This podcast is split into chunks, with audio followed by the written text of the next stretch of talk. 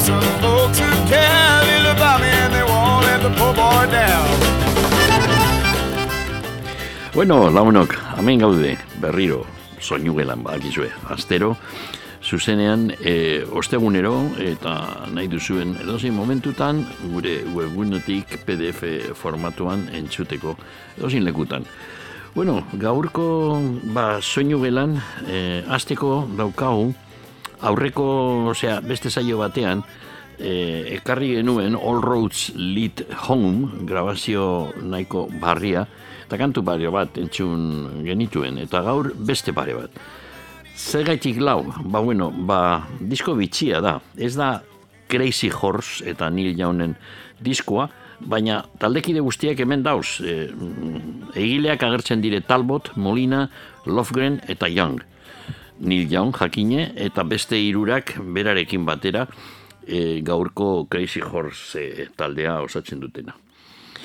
Bueno, e, pasaden beste saio batean, entzun genituenak izan ziren Ralph Molinak, e, Ralph Molina bateria joleak eta Billy Talbot e, basu joleak, komposatutakoa eta grabatutako kantuak, eta gaur, hasiko gara, ba, Nils Lofgrenek e, e, diskonetarako egin dauen kantu eder bat. Bakizue, Nils Lofgren egon zan e, talde honetan, Crazy Horse taldean, aspaldian, oin berroi, berroi urte, gero beste mila gauzetan, e, gauzetan egon da, Springsteeneki be garai baten, eta ba, azkenengo Frank San Pedro, Galizian e, Ribeira herrian e, sustraiak duen gitar jole ondia, Kalifornia bera, Frank San Pedro e, osasuna dela eta erretiratu zan, eta Nils Lofgren bueltatu zan Crazy Horse berriro osatzeko. Bueno, entzuko dugun kantua, You Will Never Know, deitzen da, eta nola bait Nils Lofgrenek kantu honetan lortu dau, ba, sonoridade bat, e, soinu bet, apur bat bertz taldearen estilokoa. Hau da kantua, You Will Never Know.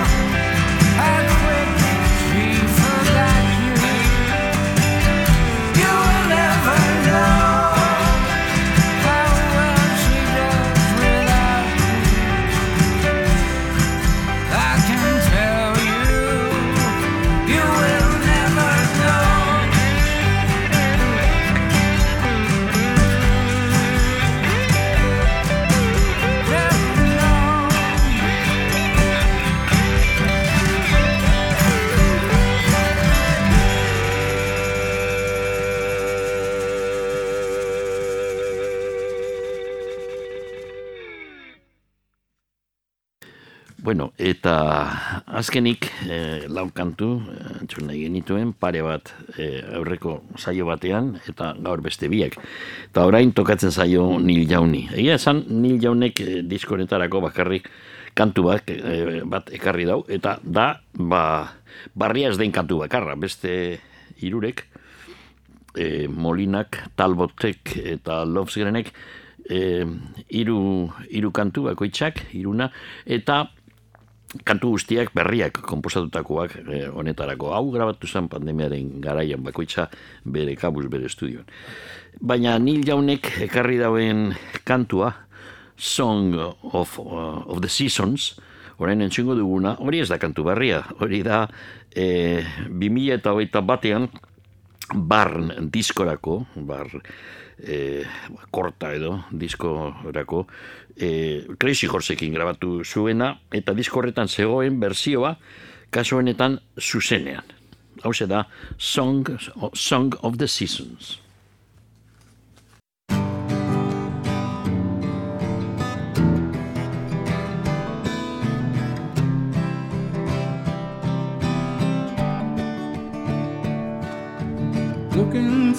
This wavy glass window in our old place on the lake.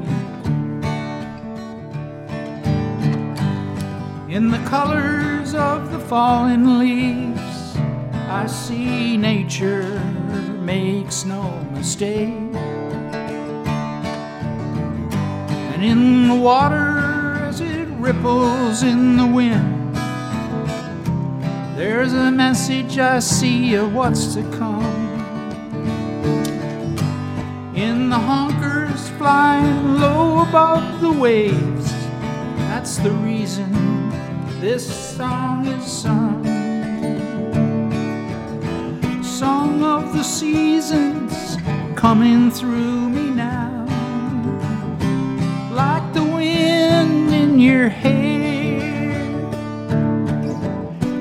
so together in the way that we feel that we could wind up anywhere.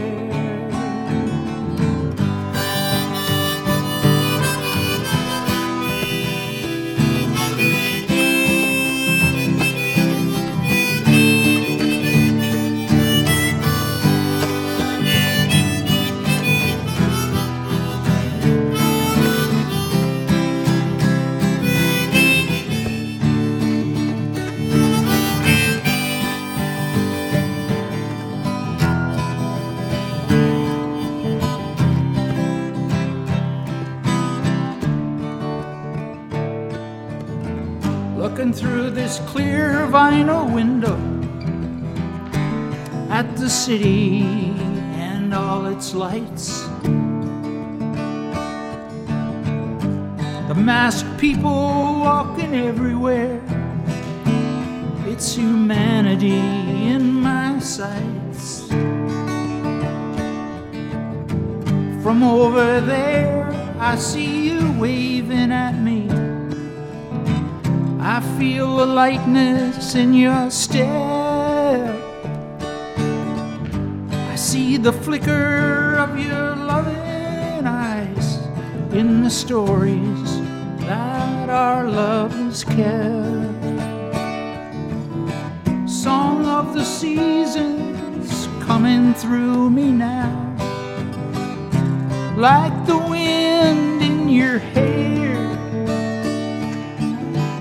We're so together in the way that we feel that we could wind up anyway.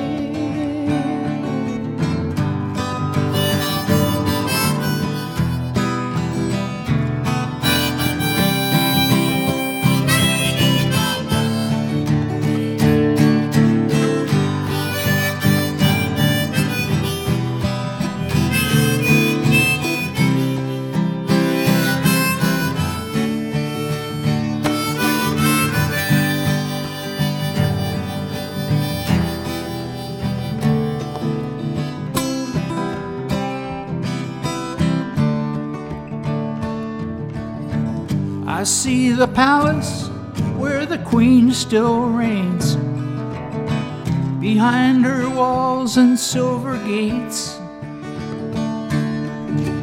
Her king is gone now, and she remains. Her banners rippling in the rain. Here in the water as it gathers now. Upon the road the horses gait. In the rhythm that I feel somehow. In the melody I play.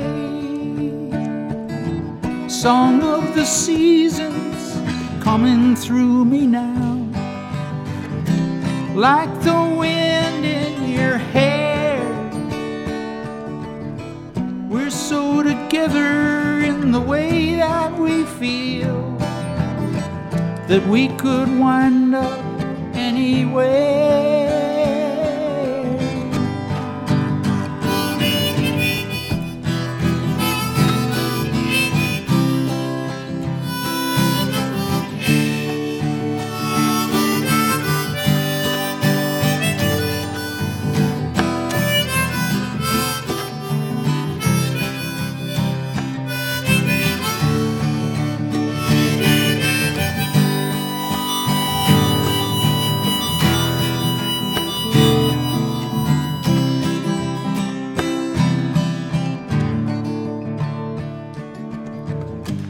Seems to me I heard this song before.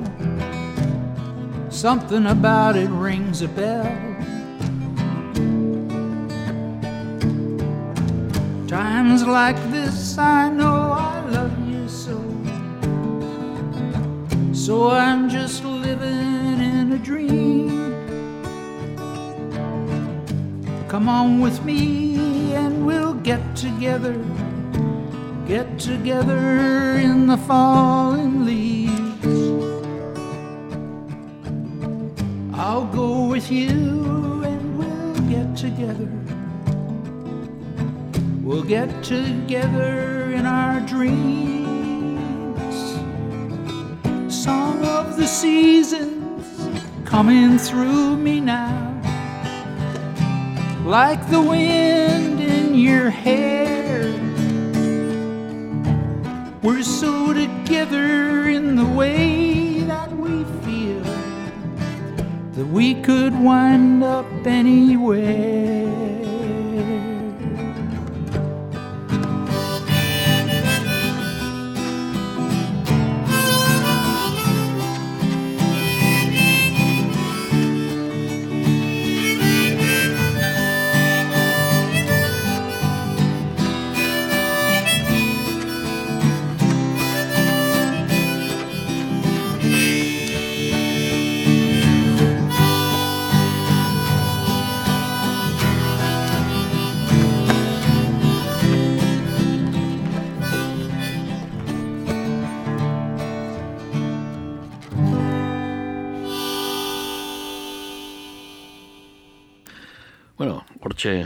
Duzue, que Neil Jaunen ez da kantu barria, orain pare bat urte grabatu zuen estudioan, eh, Barn eh, diskorako, eta hause da zuzenean eh, berak, bere kabuz eh, beste lagunik gabe egindako berzioa, eta disko honetarako berak aukeratu zuen. Bueno, orain normalean soinu gelan ez daukagu zera, ba, Espainiako rock talderik eta irurogiko amarkadakoak ade gitxiago, baina salbuespen bat egingo du gaur eta kontua da, lehengo pasaden astean eta aurrekoan, egon nintzen ba, Tarantinoren pelikulu guztiak, bederatzi dauz, bakizue, bueno, bata bikoitza da, Kill Bill, baina bederatzi luzemetraiak e, e, momentuz, berak dino, amargarren egingo dau, jubilatu baino harinago, baina batek daki.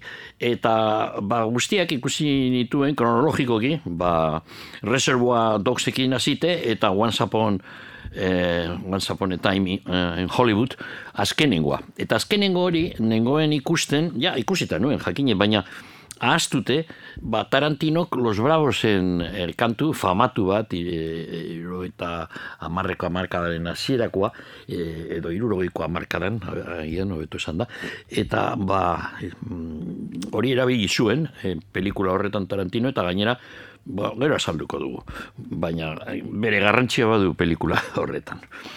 Bueno, los bravos, los bravos boskoteak, e, eurek e, grabatu zuten mm, batez ere hiru urtetan, mila behatzen eta irurogeita zeian hasi eta irurogeita bete arte.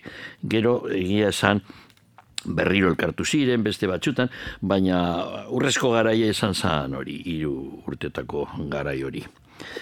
E, eurek em, sortu ziren, neurri handi batean, ba, Madrilen e, sortu zan mila beratzen eta iruro, eta bostean talde bat Los Sonor deitzen zana, eta bueno, garai hartan batez ere Mallorcan eta Ibizan, turismo, nazioarteko turismo azita zegoen Europa leku guztietatik joten zan jendia, udan eta mm, lana soberan zegoen pop eta rock talde entzako ba, dantzalekuetan eta bar. Eta loson horrek jotzen zuten, mm, e, uda horretan, iro eta bostean jo zuten, ia, egunero, e, Mallorcan, Kalamaior izeneko e, inguruan, e, Jaima Club zegoen e, dantzaleku batian. Eta bueno, hortik gero abiatu ziren bi musikari, hiru hobeto esan da, eta alkartu ziren beste batzuekin eta holan sortu ziren Los Bravos. Lehenengoko musikaria, hau Los Sonoren zegoena, zan e, betaurreko duna Toni Martínez, gitarjolea, gitarjole trebea, e, kriston gitarjolea, izan zan, e, eta beste musikari bat Los Sonoren zegoena zan teklatu jolea, batez be organ, jamon organo jolea, e, Sevillakoa jatorriz Manolo Fernández. E, honek be ba, ba zuen eskarmentu handia eta eurek gehienak e, konservatorio eta musika eskoletan e, ikasi zuten. Beraz e, zuzenean jotzen zuten hainongi ba, diskoetan ziren zegoen sonoridadea lortzen zuten arazorik gabe. Gero Manolo Díaz, e, Asturiarra, Los taldean ere bazegoen, eta Los Bravosen taldean bera esan izan musikaria, baina bai kantu egilea, hainbeste kantu, batez be gaztelaniaz ze kantatzen zituzten kantuak Los Bravosek, ez ziren gehienak, baina batzuk bai, Manolo Díazek e, komposatzen zituen. Gero beste aldetik, e, zegoen e, kantari bat, e, beste talde batian, Madrilen e, ibiltzen zan talde hori, Mike and the Runaways, eta e, Mike hori Adrian Bogel zan, edo Mike Bogel, obetu esan da, perkatu. Bera zan Berlingoa, jatorriz, Alemaniarra, eta, bueno, ba, abantaia zan berak kantatzen zuen, Alemaniako, osea, azentuarekin, eh, erderaz, baina horretaz aparte, alemanez eta batez ere ingelesez basekin kantatzen arazorik gabe. Eta gero beste pare bat musikaria osatu zuten taldia, bat azan e, Galiziakoa, Akoruñakoa, Miguel Vicens, basuyolea, eta bosgarrena Pablo Sanjehi, Barcelonakoa, berak bateria jolea. Eta holan abiatu ziren, e, frantxez bat, a, Alain Milho, e, mm, Frantziatik Madrilera joan zan produktore moduan, bueno, pera uste dut e, suitzakoa zan, frantziakoa baino. Jatorri suizak, suizarra, baina gero Frantzian bizi zan, eta Madrilen produktore garrantzitsua izan zan hainbeste e, pop eta rock produkzioetan eta berak e, izan zuen e, ideia bat ba, e, eurek grabatzeko ingeles kantuak eta gatz, grabatzeko kantuak Inglaterran, Londresen. Eta holan, holan sortu zan orain entzungo dugun kantua. Black is Black. Seguru ere inoiz entzundu zuen abesti Europa osoan oso arrakastatxoa, estatu batuetan ere bai eta bueno, dudarik gabe Los Bravosek inoiz izan zuten kanturik eta eta entzunena eta zan grabatu zuten lenguetakoa. E, grabatu zan mila batzen eta iru eta zeian, ba, ekainaren emeretzian, e, Londresko deka estudioan, eta kantu egiak e, Granger, Hayes eta Wady ziren e, Inglaterrarak bebai eta bueno, orain entzungo du kantu hori Black is Black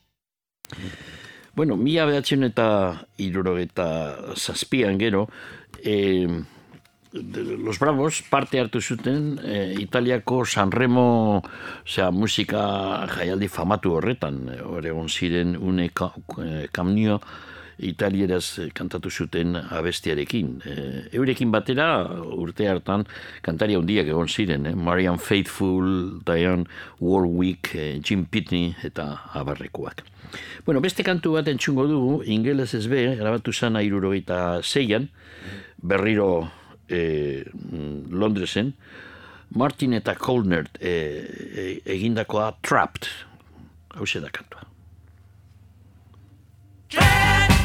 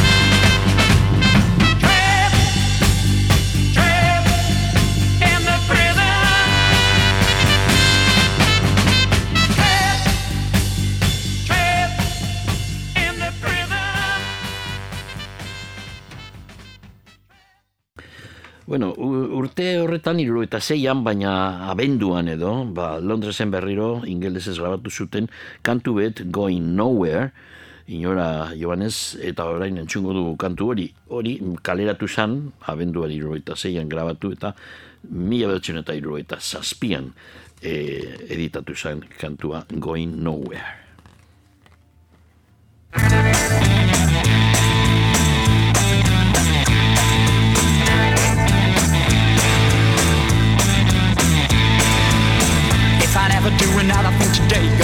Myself to lie.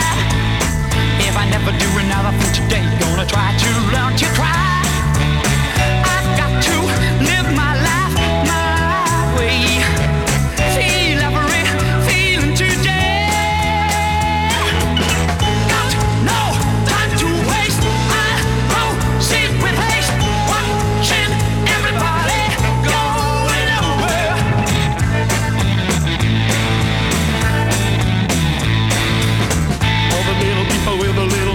Gonna say that I am crazy.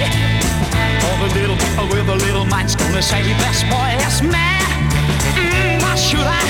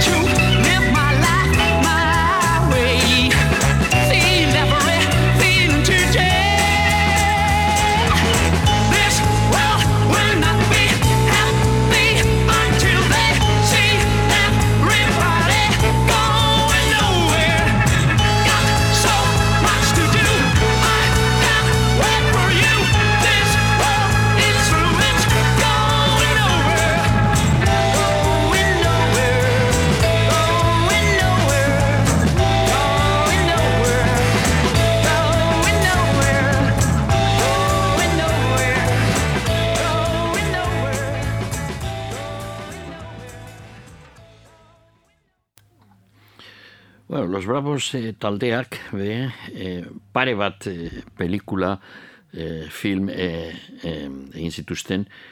Lehenengokoa, zuri baltzez, eh, izan zen Los Chicos con las Chicas izenekoa, eta kantu mm, izen bereko kantua, zegoen film horretan, hori Javier Agirre, Javier Agirre izan zen zuzendaria, ba oso pelikula arrakastatxua gara hartan, apur bat, e, The Beatlesek egiten zuten pelikulen eredua jarraituz, The Monkeysek egiten zuten e, Kalifornian, estatu batuetan, eta eurek be antzeko parezido egin zuten. Eta gero, e, irurogita zazpian, e, parkatu, sortzian, irurogeita sortzian, mila bedatzen eta irurogeita sortzian, beste pelikula bat e, filmatu zuten eurek, Bring a Little Lovin', kantu berbera zegoen, izen bereko kantua be bai, e, lasten entzungo dugu kantu hori. Gero, ba, Mike Vogel, e, abeslaria, taldetik joan zan. Bueno, Los Bravosen eh, taldean, alde batetik,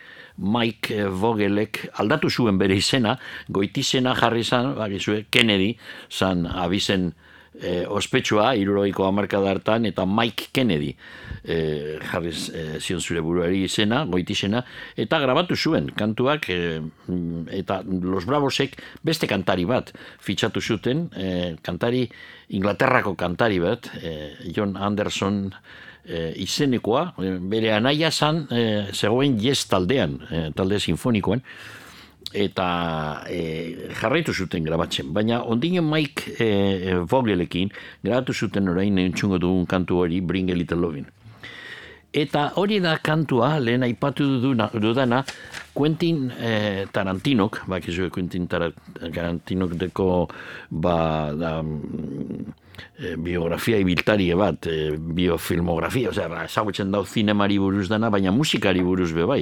Eh, ez da harritxekoa bere pelikuletan be ze mm, anistasun dago pop eta soul eta surf, surf music eta bueno, mota guztietako e, eta berak ezagutzen zituen e, Los Bravos jakina. Eta kantu hori e, erabaki zuen, erabiltzea Once Upon a Time in Hollywood, e, azkenengo pelikula hori ja, orain hiru urte edo grabatu zen, nola bai da film bat, ikusi baduzue, ba, hor ez da agertzen Sharon Tate, e, Polanskiren Andra eta beste eh, aberaz batzuk hor eh, mm, Los Angelesen, Hollywooden hildakoak, eh, Charles Manson eta familik, baina giro hori eh, agertzen da, eh, eta Manson familik be protagonista dire pelikula horretan. Bueno, hor eh, Leonardo DiCaprio da mm, aktore nagusia, bera da apur bat ja, aldapa beran dagoen eh, izar bat, eh, eta bere laguntzailea, bere e, txoferra eta bueno, apur bat mm, da, danatariko gizona bere ondoan dagoen, hori da Brad Pitt pelikulan, ba eskena batean agertzen da berak kotxean, gidatzen kotxe batean, egun eguzkitzu baten, eta hor entzuten da kantu hori, Los Bravosena, Bring a Little Loving. Eta gainera, ba, Tarantinok erabili zuen eskenatxo hori da, kantu osoa ez da gertzen, minutu bat edo kantuarena, baina oso ondo filmatuta dago, eta berak erabaki zuen erabiltzea promoziorako eskenatxo hori. Bueno, hau da kantua, Bring a Little Loving. I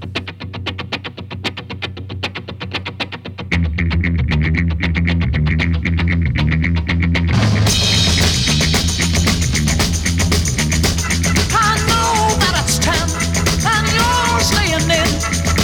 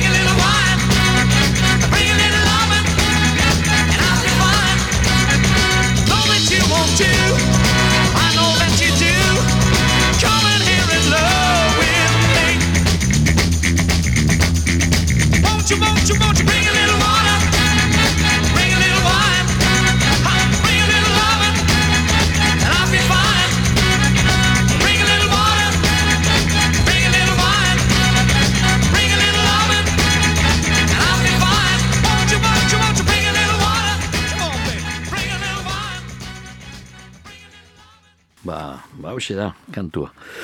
Bueno, ba, beste historia batera, joan gara orain. E, ba, gustatzen zaigu astero, ia, e, jamaikatik e, bizitatxo bat, e, jamaika, jamaikatik pasatzea, eta horko musikari begira, begira ditxo bat.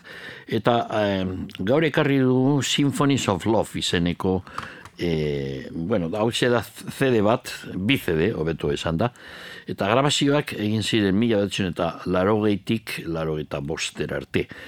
E, Review Records izan zan Jamaikako disko etxe ez hain ezaguna, baina bueno, larogeiko amarkadan bazuten bere momentua. E, egin genduen orain aste batzuk, ja pasatu da denboraren bat, ai, orain hilabete batzuk, e, egin genduen, e, zera, Lovers Rock e, estiloari, estiloari buruz olako errepasoa, ba, bilduma bat agertu zen pasaden urtean Trojan disketxean, diskoetxean, hiru zedetakoa, azaltzen apur bat, zen Lovers Rock eh, da izen bat, apur bat, mm, eh, ez, ez dago argi zer onalden atxian, ez da? Bueno, mm, Lovers Rock, rock pentsatzen duzu dala beste gauza bat, baina Jamaikan Lovers Rock, Inglaterran batez be, sortu zen estilo hori, Jamaikako jendia, kantariek, eta batez be, andrak, e, eurek e, e, egindako kantuekin. E, nola baitzan, rock romantikoa, apur bat, e, bos rock zen e, askoz sinkopatuagoa, e, harina egon ziren eska gero rockestedi, ba, mila aldiz azaldu dugu, eta ja, reggae izan zen hirugarren pausua Jamaikan. Eta reggae e, izan zen oso e, kontu rastafaria, rastafari kontua zan garrantzitsua, eta bar, eta e, nolabait oso ba, gizonek eh, menperatzen zuen eskena hori, badago mm, kriston pelikula, Steve McQueenek Inglaterran eh, zuzendu zuen telebistarako pelikula ederra, ba, ezin galdu pelikula hori, aukera baduzue. Eta hori ikusten da, zelan sortu zen. E, Londresen, ez Londresen bakarrik, baina Inglaterrako hirietan egiten ziren asteburuetan, etxe partikularretan egiten ziren e, festak, eta hori ikusten zen, zelan, Andrak ez ziren bat ere posik e, mm, e, jartzen zen reggae musikarekin. E, zan gizonek menperatzen zuen eskena eta zan nolabait e, gitxien ez esateko ba, oso matxista inguru. Eta eurek andra batzuk hasi ziren grabatzen beste sensibilidadearekin eta, eta kantuk ederrak, eh? beste reggae mota bat. Gero, gizon batzuek be, Dennis Brown esate baterako, eixin zan Lovers Rock estiloko kantaria, eta gero beste asko, bos regetik ze- e, etorri zirenak hasi ziren Lovers Rock grabatzen kontutan hartuta arrakastatxua zala. Bueno, ba, kontua da, CD mm, bikoitz honetan, Symphonies of Love izeneko honetan, ba, batez ere daukagu bi, bi andra. Lehenengokoa Barbara Jones eta gero Doreen Suffer ere izango dugu. Eurek e, jamaikakoak ziren, jamaikan grabatu zituzten kantu hauek, baina nolabait eh, joera hau, Lovers Rock joera, beste e, zera, ba, Inglaterratik e, pasatu zen, bueltatu zen Jamaikara. Ba, egin zuen, hor, Inglaterra eta Jamaikaren artean, be bai Kanada eta estatu batuak, baina batez be Inglaterra eta Jamaikaren artean badago nola baitor Joan Itxuliren e, kontu bat reggae musikarekin. Bueno, lehenengoko CD honetan, Barbara Jones Sing Hit Songs in Reggae Style, deitzen deitu zan, garai hartan, mila betzen eta laro gehian, kaleratu zanean, bederatzi kantu egon ziren, eta, bueno, hasiko gara, lehenengokoa The Woman in Me, Barbara Jones.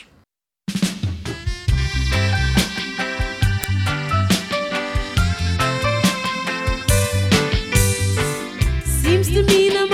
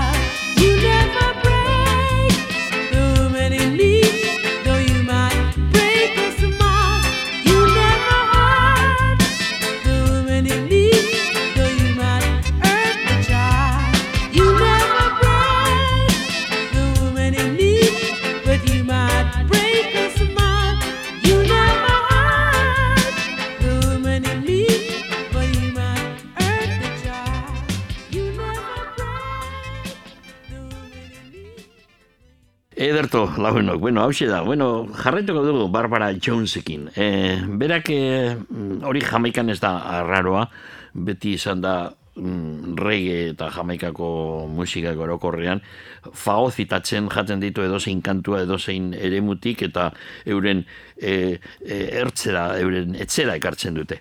E, kantu hau erain entzungo duguna, e, Cat Stevens, garai hartan Cat Stevens izeneko, e, jatorri Greziarra zuen, baina Inglaterrakoa zan, eta ba, e, folk rock nola bait e, e, estiloan e, egin zituen disko arrakastatxu batzuk. Gero musulmana egin zan, eta gaur, gaur egun, bueno, Cat Stevens erabiltzen dago artistikoki batzutan, baina Yusuf Mohamed uste dudala bere, bere izena.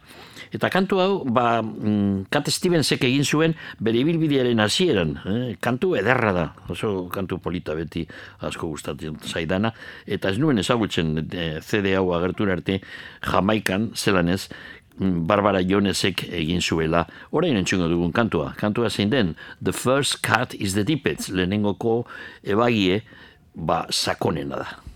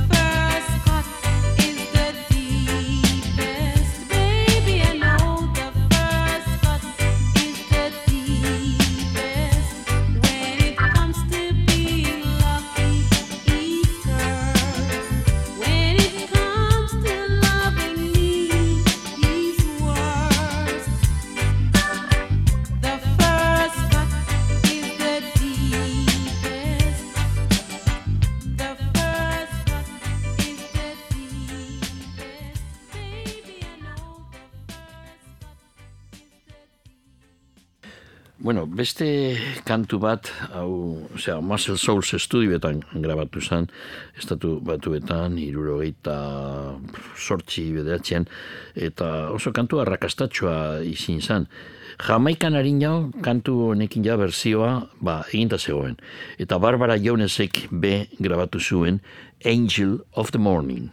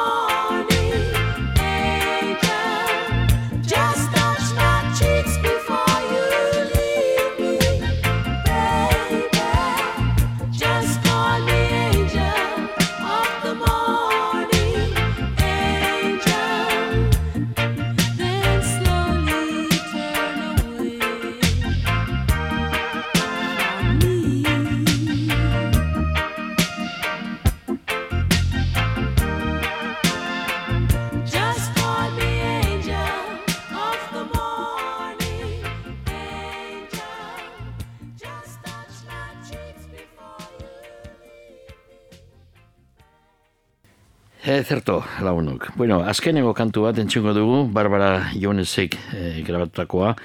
Eh, e, hause, eh, kantu honek emoten dio bilduma e, honi, bilduma osoari, izena pluralean, Symphonies of Love, hau singularrean daukagu, Symphony of Love, Barbara Jonesen kantu.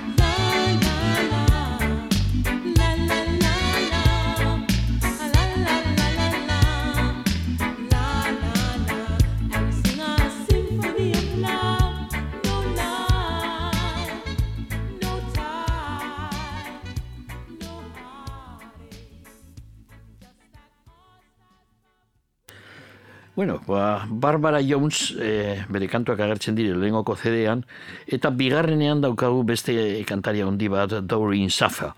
Em, gertatzen dena bi kantari hauekin da oso, oso ez ezagunak dire. Eta abeslari handia handiak, eh? ba, Andren artean, e, Jamaikan egon ziren, The I-Trees adibidez, ziren Marley eta The Wailersen laguntzaileak, baina Marcia Griffiths eta, eta Rita Marley eta iruaren eurek ziren kantaria handiak eta egiten zituzten euren kabuz eh, kantuak eta grabazioak asko, baina mm, gero ezagunak dire Bob Marleyekin grabatzeagatik. Eta bueno, beste batzuk ez hori ere, eh? Doreen Saffer, izen zan kantari handi bat, Lovers Rock mobidarekin apur bat hori aldatu zan batez be Inglaterran, eta eh, hor eh, andra batzuk, eh, jamaikarrak eh, jatorriz, baina Inglaterran bizi zirenak, eta batzutan Inglaterran jaioak be, e, eurek baiz lortu zutela arrakasta handia. Bueno, entzungo du orain kantu bat That Wonderful Sound Doreen Safferrek grabatu zuen.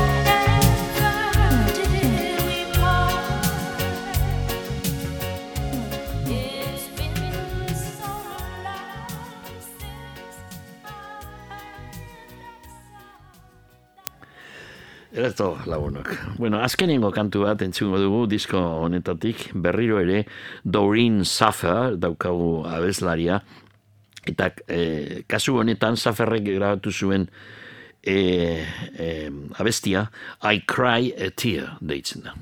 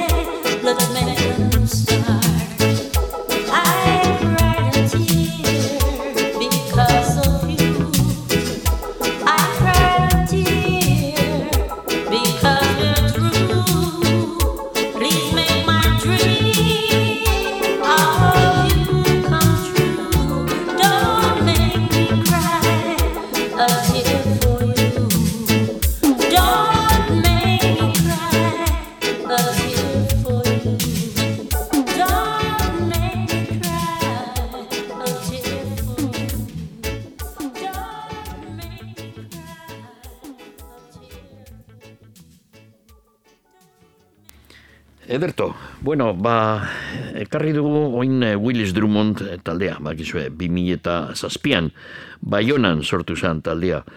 Hasieran bide utz eh, disko etxean eh, grabatu zuten, baina gero 2000 eta mazeitik aurrera tabula rasa records, nik uste dut eh, autoproduzioak dire, eta azkenengoa, bere azkenengo, euren azkenengo grabazioa, ala ere eh, izenekoa, mm, ba, hause da ekarri duguna. mm?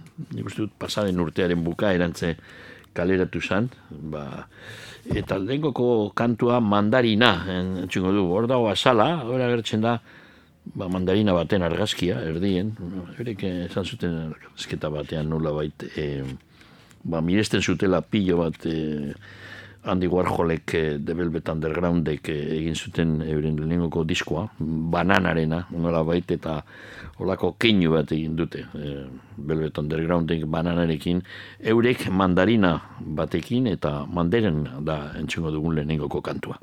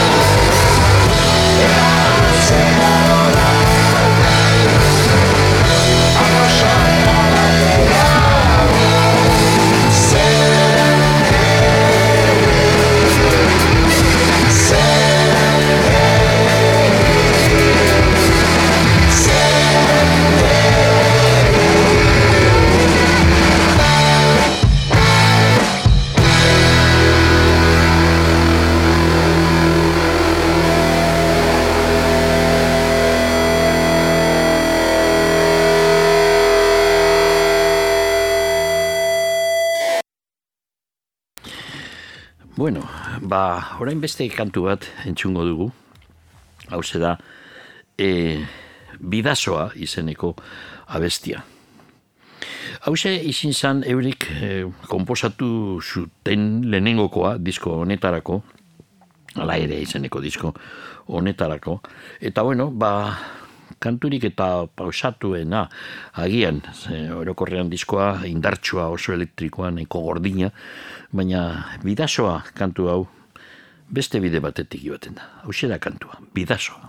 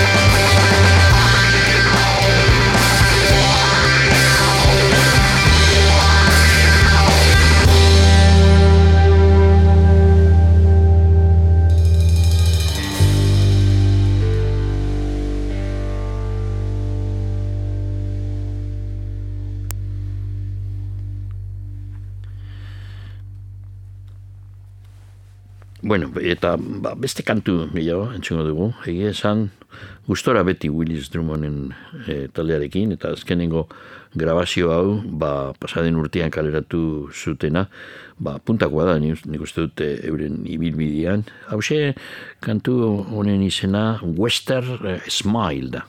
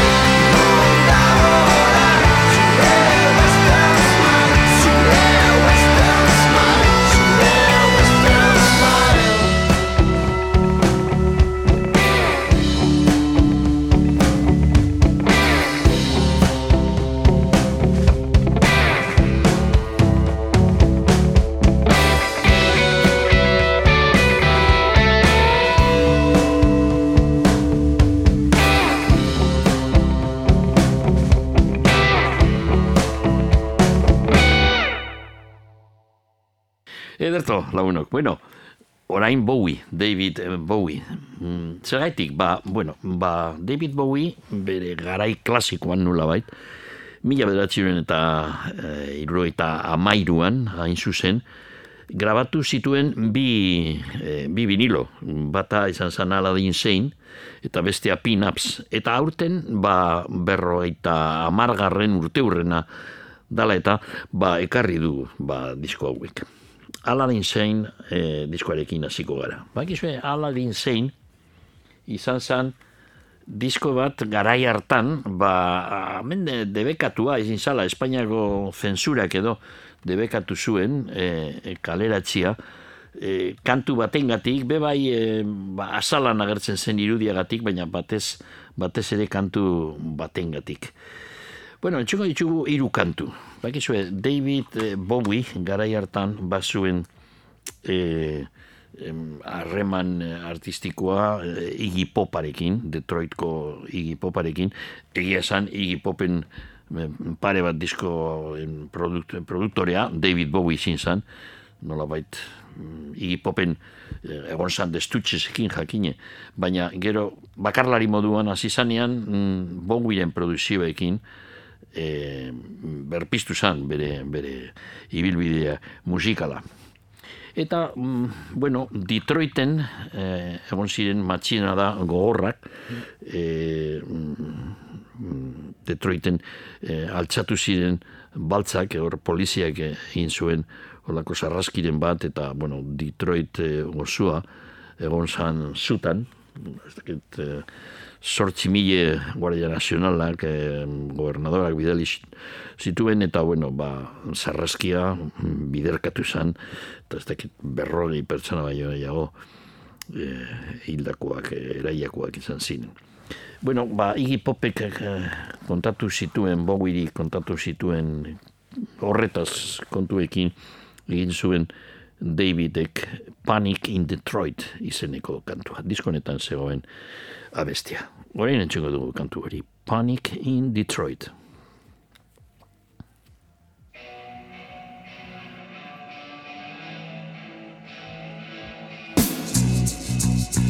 Like shit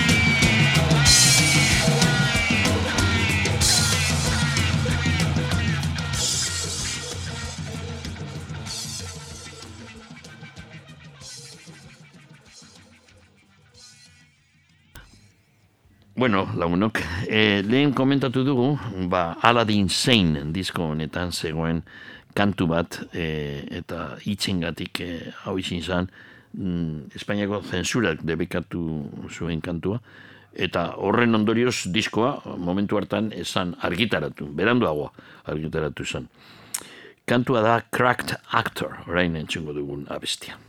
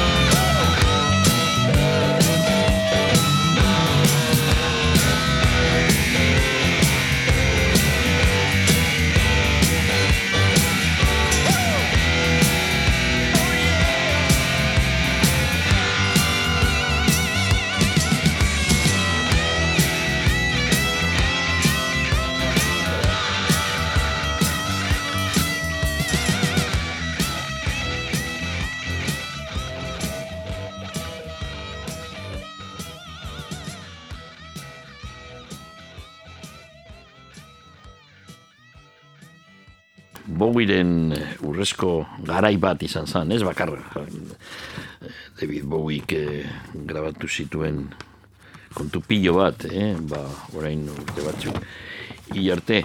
Eta Aladdin Zein, eta aurreko diskoak, bueno, ba, The Man Who Sold the World eta Hanky Dory izan ziren ah, eso serio bat, nola bait, e, dei bat, baina gero The Rise and Fall and Ziggy eta Aladdin Zein agian izan zi- ziren nire ustez, gutxienez, borobienak, baina bueno, gero, e, bere ibilbidean bongi, bongi nahiko kamaleoia izan zabeti, eta, bueno, e, estilo, musika estiloari begire, aldaketa asko egon ziren bere ibilbidean. Orain, e, beste kantu bat disko honetatik entzungo dugu, hause, e, dutarik e, gabe, de Gin Gini, izan zan e, singelik eta, bueno, kanturik eta arrakastatxuena, hau garai hartan asko entzun zan, de Gin Gini.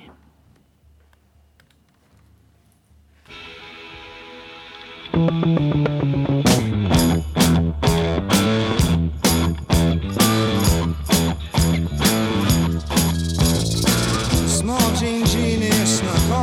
city, strung out on lasers and slashback blazers, and ate all your razors while pulling the waiters, talking about Monroe and walking on Snow White. New York's a go-go and everything tastes nice. Poor little greenie. Ooh. Get back on. Gene Genie eh, lives on his back.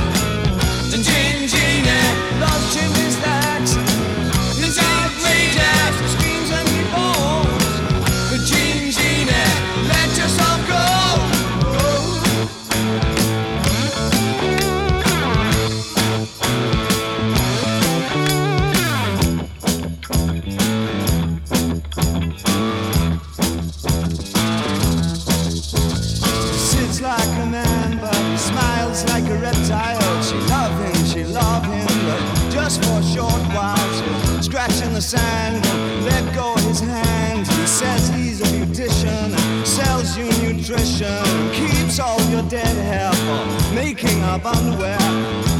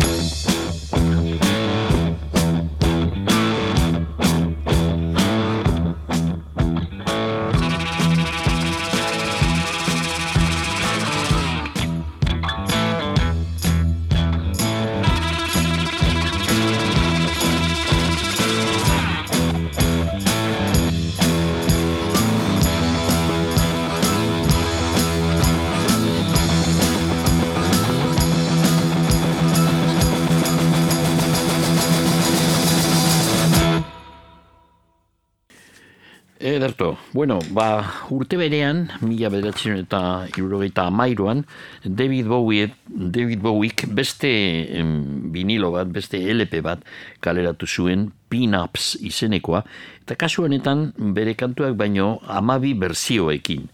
E, irurogeiko amarkadako batez ere e, Inglaterrako eskenaren e, taldeen e, kantuekin, bueno, batez ere ez, mm, kantu guztiak nik uste dut ziren Inglaterrako musikariek egindakoak, mm, batzuk oso kantu ezagunak, beste batzuk ez hainbeste, eta guk eh, hiru aukeratu ditugu gaur. Lehenengokoa C. Emily Play, eh, Sid Barrett eh, egin zuen, eta berak Bowie jartzen zaun, gero zerrenda batean ze taldeak direzen, eta berak esaten dau, Sid Spin Floyd, ba, ezberdintzeko gero Sid Barrett taldetik joan zanean, sartu David Gilmour eta taldea aldatu zan nahikotxo. Baina C. Emily Play izan zan Pink Floyd eh, taldearen ba, lehenengoko urteetan grabatutako kantu ezinbestekoa. C. Emily Play.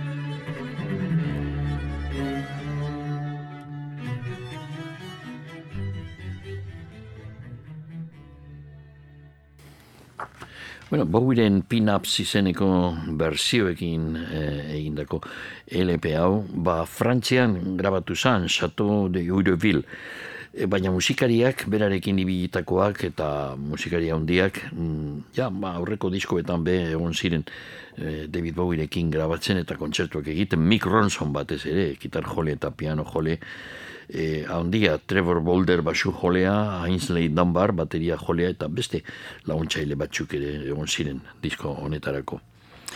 Bueno, ba, gustatzen zaigu beti soinu gelan ibiltzea holan biribil batean nunbaitetik e, beste liku batera. Eta lehen esan dugu, e, izan dugu mm, soinu gelan gaur, e, los bravos en, los, los bravos taldearen kantu bet, e, bring a little loving izenekoa, komentatu dugu zelan Tarantino, erabi zuen orain pare bat urte, bere azkenengo pelikularako, Eta ez dakit komentatu dugu, baina mm, kantu hori e, bi australiarrek egin zuten, Young eta Banda. Eta Young, a ber, australiarrek, egingo du men batuk eta batzuk, e, lotura batzuk, e, badago talde bat, agian inoiz Australian sortu den talderik famatuena, naiz eta jatorria Eskozian izan, askotan gertatzen den moduan Australian, biz berdin, eta Young anaiak, Angus Young, eta bere anaia izan ziren ACDC taldearen e, izarrak, bueno, kantaria bebai, kantaria, batez belenengokoa hil zana. Eta kontua da, Young anai, beste anaia, ba, sa, e, nagusiagoa, Inglaterran izan zuen talde bat, irurogeiko amarkadan, talde e, bit e, aproba psikodelikoa egiten zauena, The Easy Beats, Beraz, lehen entzun du kantu bat Bring a Little Loving, Los Bravos entzat, Young eta Bandak egin zutena, eta orain entzungo dugu euren kanturi eta famatuena, euren taldearekin grabatu zutena, Friday on my mind, baina entzungo dugu David Bowieren berzioa. Hau da kantu esanguratsua iruroiko amarkadan Inglaterran. Friday on my mind. Monday morning feels so bad. Everybody seems to like me. Coming Tuesday, I feel better. Even my old man looks good. Wednesday just don't go. Thursday goes too slow.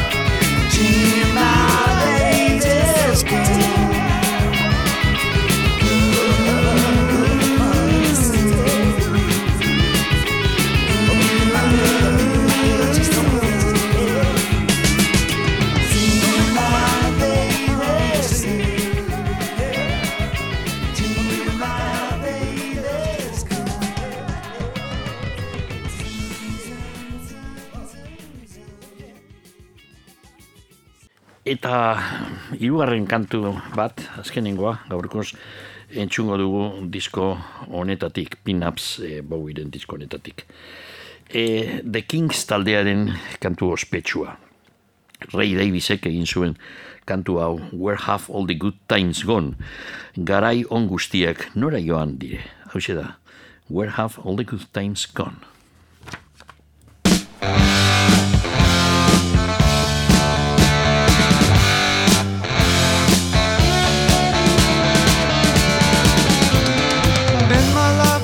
stop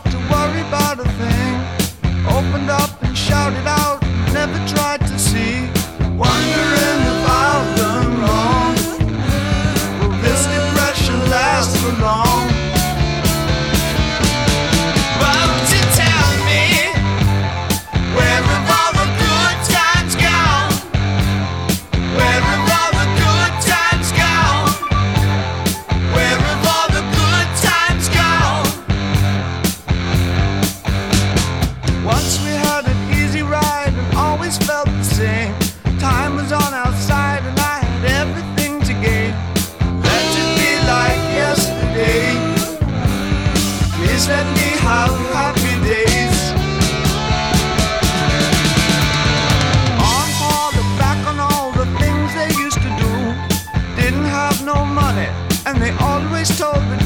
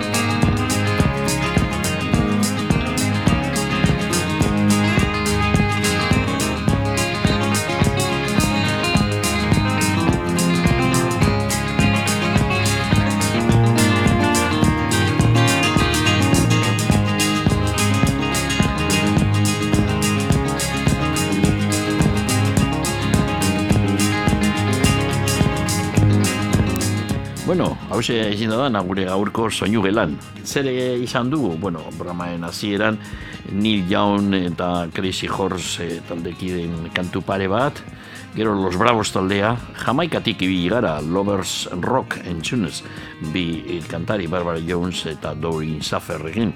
Willis Drummond, eh, Bayonako taldea, izan dugu jarraian, eta bukatzeko David Bowiek, ze mm, irurogita amairuan kaleratu zituen bi LP, ala Insane eta Pins, eh, Pin-Ups, eta aurten, berrogeita margarren urte hurrena izanik, ba, bi disko hau ekarri ditu, eta hainbeste kantu entzun. Hau izin da dena, gaurkoz, datorren astean berriro ere egungo da, soinu gelan.